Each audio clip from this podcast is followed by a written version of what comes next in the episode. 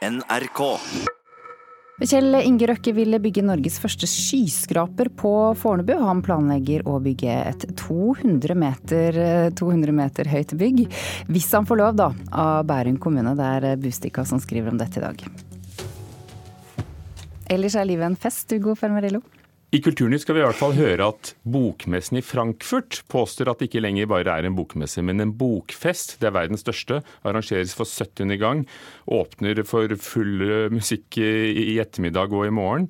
Eh, og det skal vi snakke om ganske snart. Men aller først til noe som har opptatt eh, veldig mange det siste døgnet i Norge, nemlig statsbudsjettet og det nye kulturbudsjettet. For så kom det Trine Skei Grandes første budsjett som statsråd. Museer får, kunstnere får noe, og det frivillige er et av hennes store satsingsområder. Nå får momskompensjonen en økning på 134 millioner. Det er, de på, det er den største påplussingen i hele kulturbudsjettet. Det bruker vi på momskompensasjon til frivillige organisasjoner, fordi vi syns det er viktig. Og Det har jeg kjempa fram i, i, budsjettet og i budsjettforhandlingene, fordi vi i regjeringa syns at frivillighet bør vi prioritere framover. Eh, og Da håper jeg at eh, frivilligheten også ser at den posten står der, og at den er så stor, stor økning på den. Men hadde det ikke vært bedre å frigjøre disse midlene fra kulturbudsjettet og få det automatisert gjennom Finansdepartementet? Ja, Det er ikke noe som heter frigjøring fra kulturbudsjettet og automatiske penger. Penger bevilger vi i prioritering med andre ting, og vi har visst at vi prioriterer frivilligheten. Eh, det har vært en gjennomgangstone i de, i de, blå budsjettene et ønske om å få mer private penger inn i kulturlivet. og Det har blitt lagt til rette flere insentivordninger for å få til det. Gaveforsterkningsordningen blant uh, annet. Eh, I hvilken grad viderefører du det? Ja, Nå er det et blå-grønt budsjett, og det var Venstre som opprinnelig foreslo gaveforsterkningsordninga på Stortinget. Eh, det går via tippemidlene som en, en, styrking av de private gavene som kommer inn. Og Jeg er alltid for at kulturen får mer penger, og det er helt soleklart at den ordninga har ført til at kulturen har fått mange eh, millioner mer til tilskudd til, nei, til kulturen som vi ellers ikke hadde kommet til å fått. Er du fornøyd med resultatet? Altså Hvor mye private penger som faktisk eh, triller inn til kulturaktørene? Jeg er fornøyd med alle som vil være med på å bidra til å gi mer penger til kultur i Norge. Eh, noen syns det er viktig at alle penger til kultur må være statlig.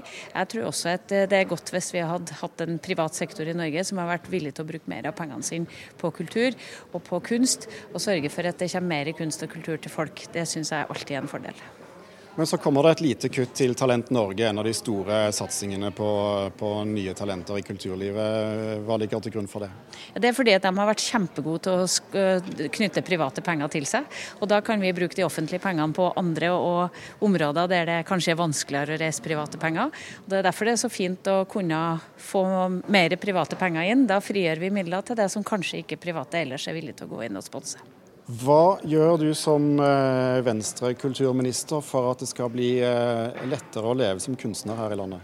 Ja, Det gjør vi både gjennom at vi nå har fått til det løftet på kunstner, eh, kunstnerstipendene, som vi har jobba med i mange år fra Stortinget. Nå fikk jeg endelig stå her og være kulturminister og kjøre den prosessen i mål. Så gjør vi jo mye på hele næringspolitikken, som er bra for alle de kunstnerne som driver for seg sjøl. Det siste nye er jo å gjøre noe med pensjonsordningene for alle dem som driver for seg sjøl, og innenfor kunst kultursektoren, er det mange som vil dra nytte av de nye pensjonsordningene vi legger inn. Men så går det 175 millioner til nytt eh, kunstmuseum på Sørlandet, mens kunstnerne føler de fortsatt får eh, lite igjen for den jobben de gjør. Ser du det, det dilemmaet der?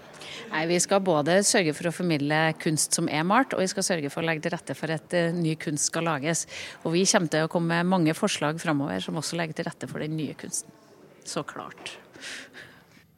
Så klart fra Trine Skei Grande, kulturminister fra Venstre, til reporter Thomas Alvarstein Ove. Agnes Moxnes, kulturkommentator i NRK. Hvordan skiller Grandes budsjett seg fra de borgerlige forgjengerne ja, i samme regjering, da, Linda Hofstad Helleland og Toril Vidvei? Ja, eh, Naturlig nok så er det jo ikke noen dramatiske endringer. Det er som de sier, omtrent samme regjering vi snakker om. Først og fremst så vil jeg si at det er retorikken de skiller seg fra hverandre. fordi at de to første de irriterte kulturlivet med å snakke veldig mye om næringspolitikk. Eh, eh, mens da Trine Skei Grande hun snakker snakker om kunst som selve blodomløpet i, for en kultur og, og, en, og en nasjon. Hun forteller at hun har flyttet mange penger i dette budsjettet, prioritert aktivt men kommer folk til å merke det? Ja, jeg tror det. Jeg tror det er nettopp det som skjer. At eh, selv om dette budsjettet, ikke er så veldig mye større, det er en påplussing på 640 millioner kroner. Så hvis man la merke til lekkasjene som kom i forkant av budsjettet, så handler det i veldig stor grad om, nye, eller om, om penger til nye kulturbygg og museer landet rundt. Altså smått og stort.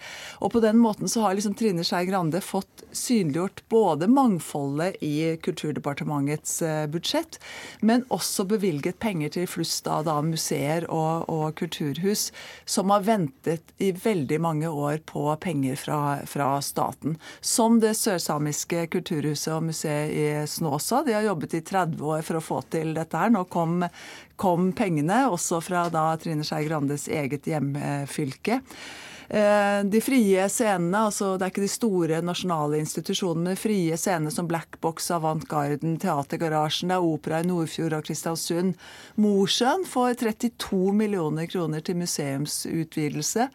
Eh, siloen i Kristiansand, kunstsiloen, har vi jo hørt mye om. At de får eh, penger til å sette i gang byggingen. Det er penger til språk, det er litteratur, barn- og ungdomslitteratur, populærkultur. Sånn at det vil si at det et veldig, virker som et veldig aktivitetsskapende budsjett. da. Og et budsjett som, eh, som skaper ja, hva slags reaksjoner? Nei, altså Jeg ser Aftenpostens eh, kulturkommentator Sara Sørheim hun sier at den, de som var mest skuffet i går, det var egentlig journalister som ikke kunne melde om de store protestene. Så i det store og det hele så er dette et budsjett som er blitt tatt godt imot av kulturlivet. Er det egentlig overraskende at det ikke kommer flere protester?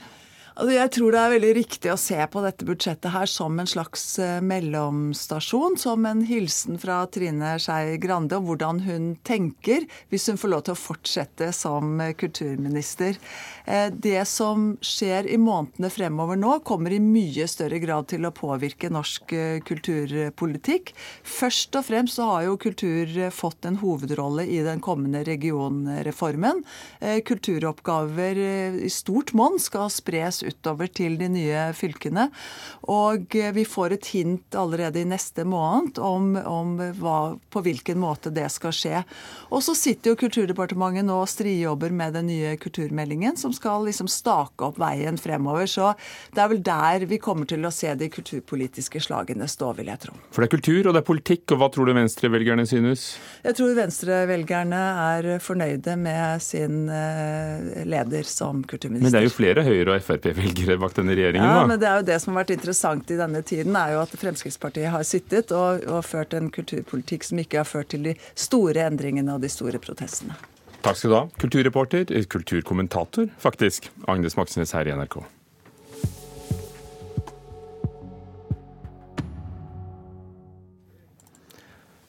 Mer enn 250 000 mennesker eh, har skrevet under et opprop. Australia er splittet, og det hele handler om operahuset i Sydney. Det berømte kulturreporter Leila Feratovic, hva, hva er saken? Eh, saken er at et lysbilde av en reklame for et hesteløpsarrangement Everest Cup får reaksjoner. Dette er et kommersielt uh, lysbilde, og folk vil ikke at uh, denne kulturarven skal brukes til å fronte et uh, hesteløp. Ja, og det er ikke bare folk. Det er direktøren for Australias fortidsminneforening som protesterer mot projeksjonen på disse store seilene på verdens mest berømte operabygning, mm. tegnet av, av danske Jørn Utzon. Men statsministeren, da? Hva sier han? Han sier at det går greit. Og han sier jo at folk er prippende, og dette gir enorme økonomiske muligheter.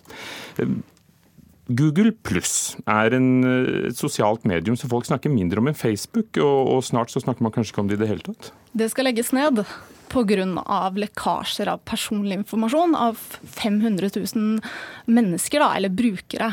Og Google Pluss melder dette her på sin egen blogg, der de sier vi har, det er en bug som har gjort at de har lekket disse eh, infoene til andre brukere og muligens andre kommersielle aktører. Da. Det har ikke blitt fastsatt hvem som har fått tak i disse, denne informasjonen. Når, når, når blir det en saga blått? Det blir nok nå. Og det er jo ikke så mange som bruker Google pluss. De aller fleste er ikke så kjent med hva Google pluss er, eller hvordan den fungerer som et sosialt medium. Så jeg tror ikke det vil sende sjokkbølger.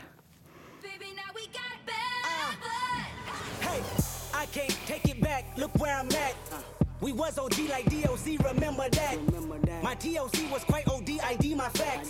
her hørte vi så vidt uh, Taylor Swift uh, også, og Kendrick Lamar. Uh, hva er det med Taylor Swift? Ja, hun har nettopp annonsert at hun ikke vil stemme republikansk ved mellomvalget da, i USA. Hun kommer til å stemme demokratisk. Og så blir Donald Trump spurt om hva han mener om Taylor Swift nå. Og han sier 'jeg liker henne 25% mindre enn det han gjorde før'. Og det er litt vanskelig å fastsette prosentandelen her, men han er nok ikke så veldig glad i Taylor Swift nå. Takk skal du ha, Leila Ferratovic, kulturreporter. I ettermiddag er det åpningsseremoni for verdens største samlingspunkt for bokelskere, boklesere, forfattere, forleggere og ikke minst journalister, 9800 av dem, Bokmessen i Frankfurt for 70. gang. Knut Hoem, litteraturkritiker, programleder her i NRK, på vei til Frankfurt.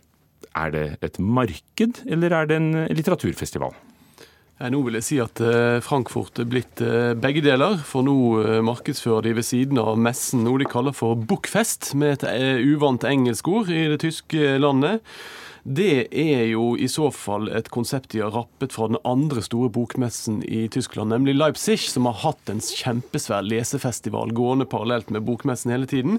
Men nå har de også fått det i Frankfurt, og de starter i kveld da med et poesiprosjekt der unge flyktninger og unge tyskere leser poesi for hverandre. Og det er blitt et landsdekkende eh, prosjekt som allerede har vunnet flere priser. Så jeg vil vel egentlig si at bokmessen nå er blitt mer et slags multimedie-event, en slags plattform plattform for ytringsfrihet og diskusjon om ytringsfrihetens eh, grenser. Hva er nytt av året? Det som jo er i stadig utvikling, er jo eh, salget av de digitale produktene. Nå viser det seg at en tredjedel av de om lag 7000 utstillerne på denne messen, de selger nå mer av digitale produkter enn de gjør av papirprodukter. Eh, så er det også nytt at de afrikanske forlagene har fått en kjempesvært, et kjempesvært område på, på messen eh, under samletittelen 'Changing the Narrative', en forandret eh, fortelling. Og i tråd med det så er det den nigerianske forfatteren Chimamanda Ngozi Adichie som er æresgjesten når, når messen åpner i, i dag klokken fem. Og hovedlandet i år er Georgia. Hvordan merker man hvem som er det landet som da til neste år blir Norge. Det er derfor vi snakker om dette. Det er derfor vi snakker om det. Det er jo interessant å se hvordan Georgia nå blir markedsført med tanke på at det er Norge neste år, som eh, du sier. Det som er sikkert, er jo at Georgia vil være hovedfokus i alle litteraturbilagene i alle de sentrale tyske avisene i år, og det er i seg sjøl ganske mye verdt. Så som en liten kuriositet så kan jeg jo nevne at alle bøker fra Georgia i bokhandlene i Tyskland i år får et eget spesielt bokmerke stukket inn i seg. Så neste år så kan vi se for oss at de 200 norske over, nyoversatte titlene vil komme i tyske bokhandler med et eget bokmerke, som vil gjøre det enkelt for eh, bokkjøperne å finne frem til de, selv om de ikke skulle være så kjent med forfatternavnet på omslaget en idé til de norske markedsførerne. Vi husker kanskje noen at eh, forfatter Jan Kjærstad gikk eh, ut mot den norske satsingen i Frankfurt og kalte for stormannsgalskap. Men finnes det noe svar om det vil lønne seg å markere seg i Frankfurt i 2019? Eh, noen av de 55 millioner kronene som skal brukes på dette spetakkelet, går jo veldig konkret til oversettelsesstøtte og slikt. 8 millioner går til den nye paviljongen som skal bygges opp av arkitektbyråene Matei Kula og Elsela. Eh, Kjærstad har nok rett i at dette spetakkelet blir nok glemt ganske fort i Tyskland når høstløvet faller av trærne i fjor. Men det kan jo også ha plantet seg noen varige bilder i hodet på litteraturinteresserte tyskere som handler om noe annet enn olje, elg og fjord og fjell. Knut Hoem, du står på spranget sammen med Agnes Moxnes, kulturkommentator, for å lede Åpen bok direkte fra studio i Bokmessen i Frankfurt på, på, torsdag. Eh, hva vil du oppleve på våre vegne? Ja, Det blir altså en spesialsending i Åpen bok, og da vil vi gå dypere inn i hvordan denne enorme norske paviljongen på 2300 kvadratmeter faktisk kommer til å se ut. Og så skal vi gi deg bokelskerens guide til Frankfurt, sånn at du vet hvor du skal gå og hvor du skal bo i finansmetropolen hvis du skulle få lyst til å reise dit neste år, Ugo Fermariella. Og så vil vi møte forfattere som går rundt med bøker under armen som har fått eh, tysk tittel og nytt omslag. Takk skal du ha, Knut Hoem.